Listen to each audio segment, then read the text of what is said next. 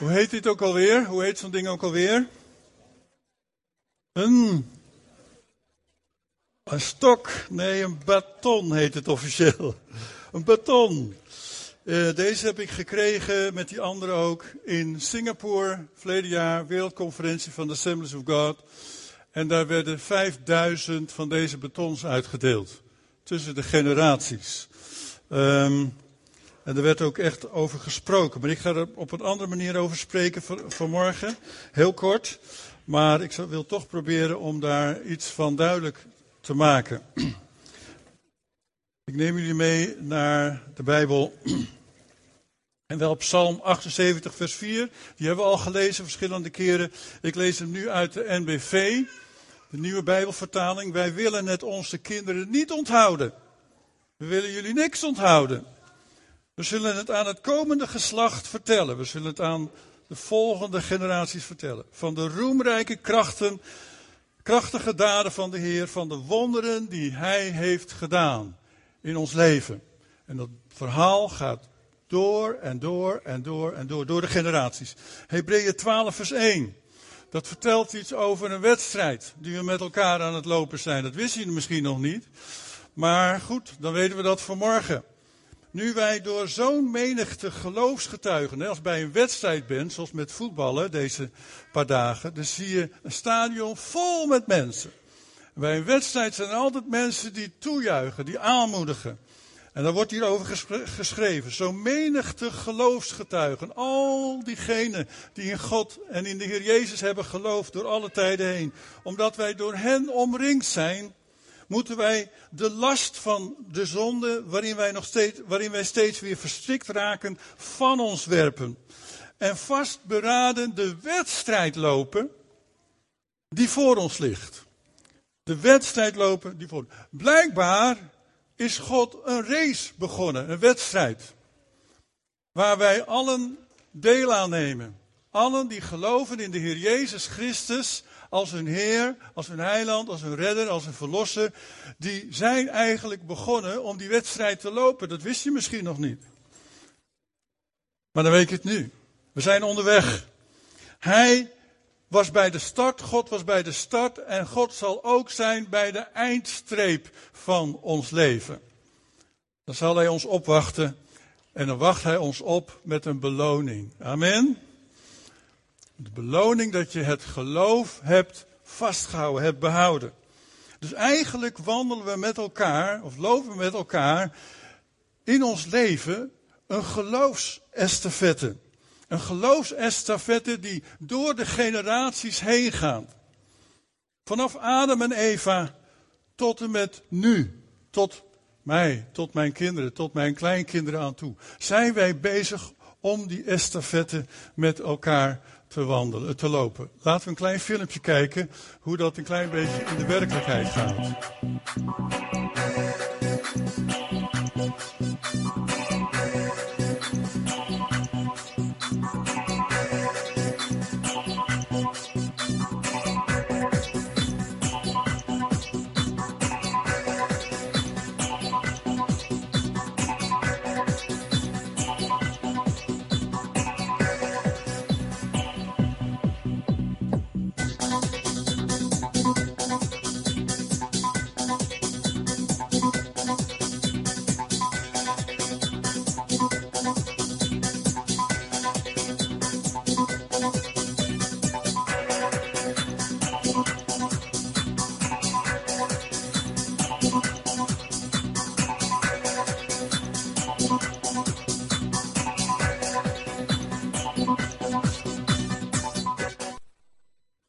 Ja, zo ging het. En zo gaat het nog steeds.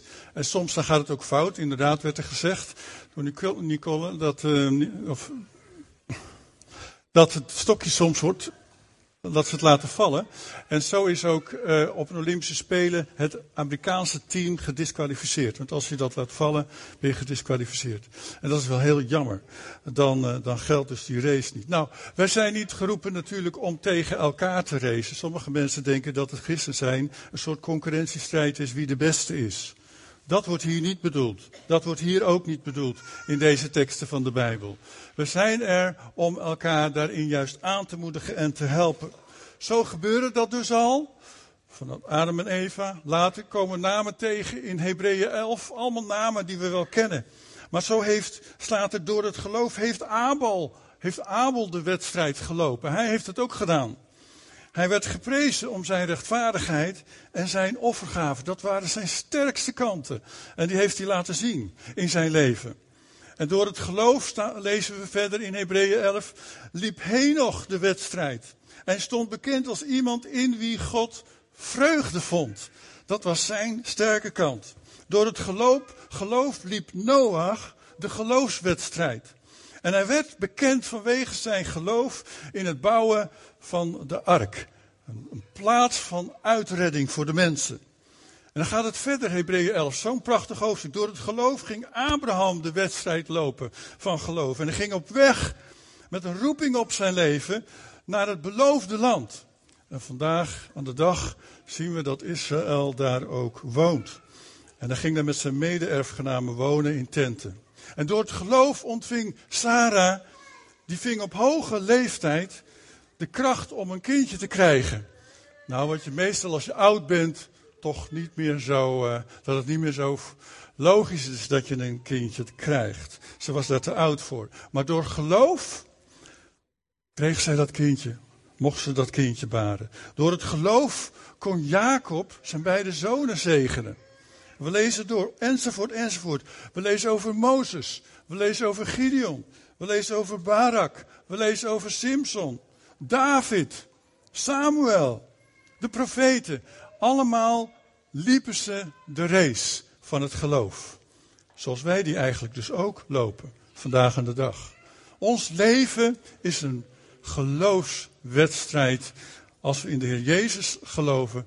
Niet tegen elkaar, maar om vol te houden en het door te geven aan de volgende generatie. Amen. En trouwens, is heel belangrijk, ik heb er nog eens over gelezen. Wat is nou het belangrijkste bij zo'n estafette? Dat die mensen hard lopen? Wat is het, de snelheid of de sterkte van de loper? Of is het allerbelangrijkste de snelheid van het stokje?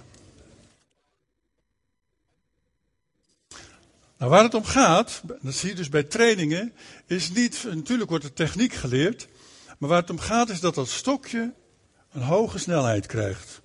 In de hand natuurlijk wel van die loper. Maar ook bij doorgeven dat die snelheid doorgaat. Dat de snelheid door blijft gaan. Als ik denk aan de verbreiding van het evangelie in deze wereld, denk ik dat de snelheid van het doorgeven van de verbreiding van het evangelie ontzettend belangrijk is. Er zijn nog zoveel mensen die Jezus nodig hebben. Wel, die namen die we net gehoord hebben, zij zijn allen in God en in het geloof heen gegaan. Ze werden daarvoor geprezen. En uh, niemand van hen kon zien, heeft met zijn eigen ogen uiteindelijk gezien wat God voor hen beloofd had. En dat is geloof. Dat is in geloof de wedstrijd lopen.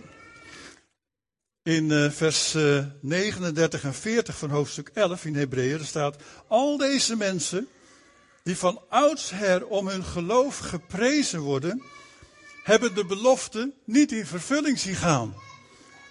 Omdat God voor ons iets beters had voorzien. En hij hen niet zonder ons de volmaaktheid wilde laten bereiken. Hij wilde dat iedereen, iedereen deelnemer zou worden van die wedstrijd. En uiteindelijk dat volmaakte straks met elkaar zullen bereiken. Als er een nieuwe hemel, nieuwe aarde komt, als deze, ja, het lijden van deze wereld voorbij zal zijn. Nou, wat is er nodig? Wat is er nodig om, uh, om een baton door te geven. Wat denken jullie dat er nodig is om dit goed door te geven? Wat zag je net op het filmpje? Snelheid. Snelheid, ja. En wat nog meer? Oefening. Oh, daar worden ze op getraind hoor. Alleen al een stokje doorgeven. Open hand, naar achteren, kijken. En dan moet het precies in die hand geduwd worden, zodat dus de tweede loper, want ze lopen samen een klein stukje samen. Dus training, oefening.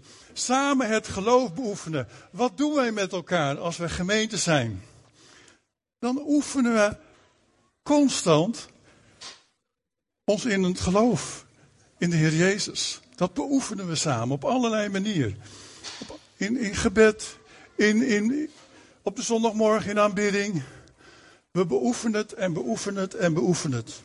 Wat is er nog meer nodig in een wedstrijd? Wat zie je die mensen allemaal doen op de tribunes met voetbal? Aanmoedigen. Ja, bemoedigen, aanmoedigen. Daarom zijn we ook bij elkaar in de gemeente. Het is zo belangrijk dat je een plek hebt waar je aangemoedigd wordt en bemoedigd wordt. Amen. Wat, uh, wat doen wij nog meer als kinderen van God als het gaat om de boodschap van het evangelie? Wij moedigen ook andere mensen aan die Jezus nog niet kennen, om met ons mee te lopen. Kom, loop mee, leer Jezus kennen. Loop met ons mee, die wedstrijd van God. Amen. En als, als er iemand struikelt, wat doen wij dan? Dan laten we die liggen. Jammer dan. Nee. Als iemand struikelt, struikel je wel eens. Struikel jij wel eens? Nee? Ja, oh ja. En dat doet zeer, hè, als je struikelt, hè? Dan heb je misschien een pleister nodig. Als je struikelt, ja, dan, dan gebeurt er wat, wat vervelend is. En als iedereen dan maar doorloopt en jou maar laat liggen. Nee, het is goed dat we dan even stoppen en je oppakken. En dan kan je, mama of papa pakt jou op.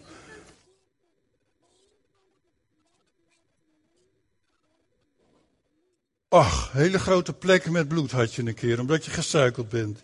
Nou, dus wij pakken de mensen op die zijn gestruikeld. Amen. Dat is gemeente zijn, lieve mensen met elkaar. Dat is gemeente zijn. En uh, de geblesseerden, hè? veel bloed hoor ik net. Uh, de mensen met pijn, die pakken we op. We ondersteunen de zwakken, dat is gemeente zijn. En natuurlijk leren we met elkaar om alles wat ons in de weg zit, en de Bijbel noemt dat ook vaak zonden die ons in de weg zitten, om die af te leggen. Want als je met een zware bepakking op, een zware rugzak op, zo hard moet rennen, nou dat gaat het dus niet worden. En dan samen de eindstreep behalen. Met al die gelovigen door alle tijden heen. God staat daar aan de eindstreep. Hij was er bij de start. En hij staat daar bij de eindstreep. Jezus zei tegen zijn discipelen in Lucas 10, vers 23 en 24. En zei hij tegen hen, gelukkig de ogen die zien wat jullie zien. En dat is je blik vooruitwerpen.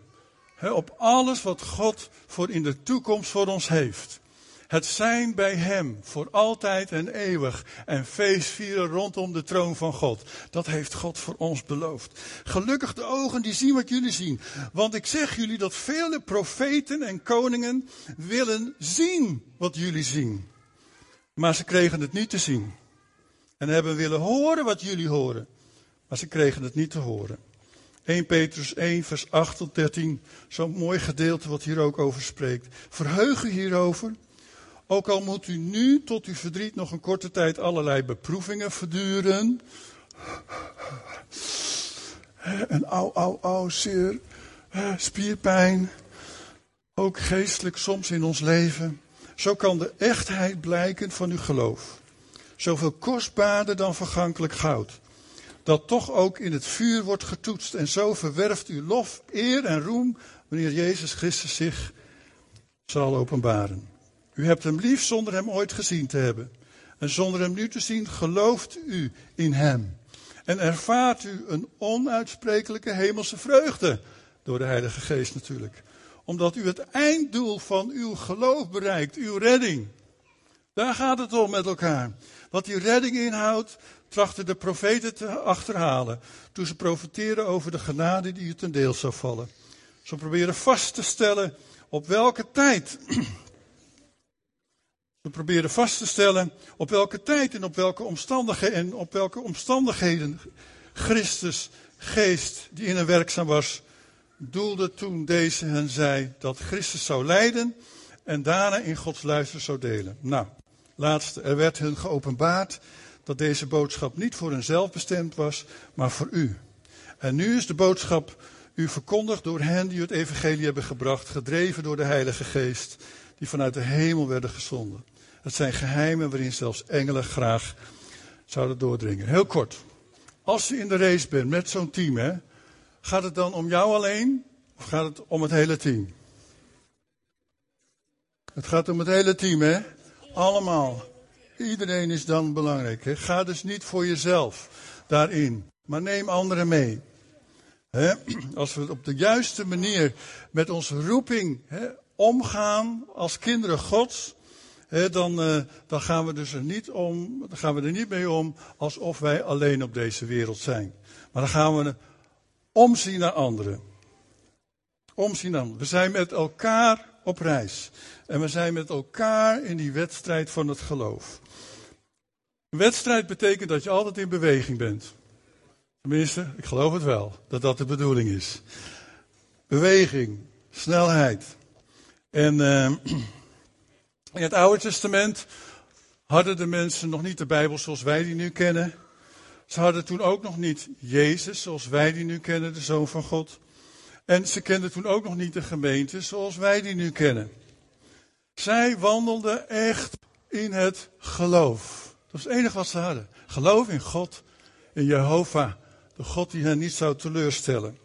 En uh, die levensreis met God gaat er dus om dat wij door de generaties dat geloof doorgeven.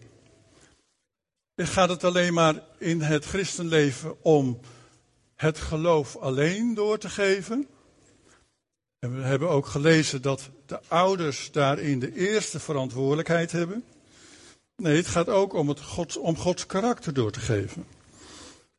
En misschien zijn we daar nu wel mee bezig in de gemeente. Om iets meer van Gods karakter te begrijpen en te leren en ons eigen te maken. We, we willen ook met elkaar de kracht van de Heilige Geest doorgeven in, in, in elkaars leven. Doorgeven door de generaties heen. Maar ook een voorbeeld van een veranderd en een geheiligd leven. Een leven wat anders is dan de wereld die leeft. Laatste vers, en daar eindig ik mee. Nog zo'n prachtig vers wat hierover schrijft. Psalm 145, vers 4. Ik kan het niet goed lezen, maar ik zal het voorlezen. Generatie op generatie. Generatie op generatie zal uw werken roemen. Zij zullen uw machtige daden verkondigen. De jongere generatie. En wie is jonger dan jij? Ja. Maar soms mag je het ook aan een oudere generatie geven. Maar eens even om ome Jan. Ja. En dan mag ome Jan het even vasthouden. Hey, ome Jan, doorgeven. De kracht van het geloof. Dankjewel. We gaan zo bidden met elkaar. Wat ik nou mooi zou vinden, is eigenlijk dat. Hier is een hele grote groep jongeren. Oh, ik vind het wel spannend een beetje. Kijken of jullie dat durven. Zouden deze jongeren zich kunnen verspreiden een beetje tussen de ouderen in? Oh, wat zou dat mooi zijn als wij eigenlijk zo even zo een klein beetje zo tussen de ouderen in zouden gaan staan. Gaan we zo meteen ook met elkaar bidden. Is dat oké? Zullen we dat doen? Dat durven jullie wel. Hè? Jullie zijn uh, stoere lui. Dankjewel. Even tussen ouderen. Misschien gaan we gaan staan met elkaar zodat zij makkelijk tussen ons in kunnen komen te staan. Ga eens tussen oudere mensen. Maak eens even ruimte tussen de ouderen. Dat ook de jongeren ertussen kunnen. Ook aan die kant er even tussen kunnen gaan staan. Ja, ja, je mag best wat opzij schuiven. Dat is ook niet erg. Als je dat wilt, mag het. Maar uh, ga bij elkaar staan, jong en oud. En laten we een moment onze handen, ook de jongeren, leg je hand nou eens op een van de oudere mensen, op de schouders van een van de oudere mensen, naast je. En jongeren, weet dat ook die ouder die naast je staat, je wil zegenen. als je naast een oudere staat, vraag ik ook de ouderen om een hand te leggen op de schouder. Leg hand op elkaars schouder. En laten wij een moment met elkaar bidden. Het geloof doorgeven heeft ook hiermee te maken, heel praktisch. Ik wil een moment stil zijn, dan gaan jullie allemaal zachtjes bidden voor elkaar. En als je toevallig naast een andere ouder staat, ouderen is niet erg, dan bid je gewoon voor die andere naast je. Laten wij een paar minuutjes een zegen bidden voor die anderen. Zullen we dat doen? Een zegen van God. Ga je gang maar, doe het maar op dit moment. Dank je, Jezus.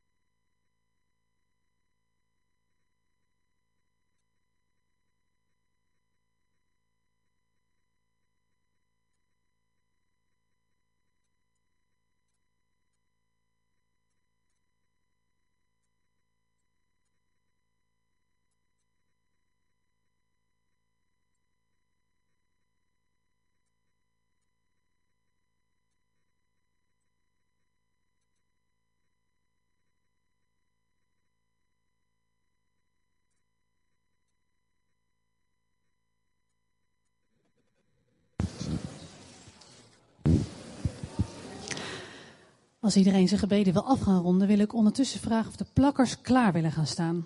Want Plank gaat met ons afsluiten deze dienst met een supergave dans.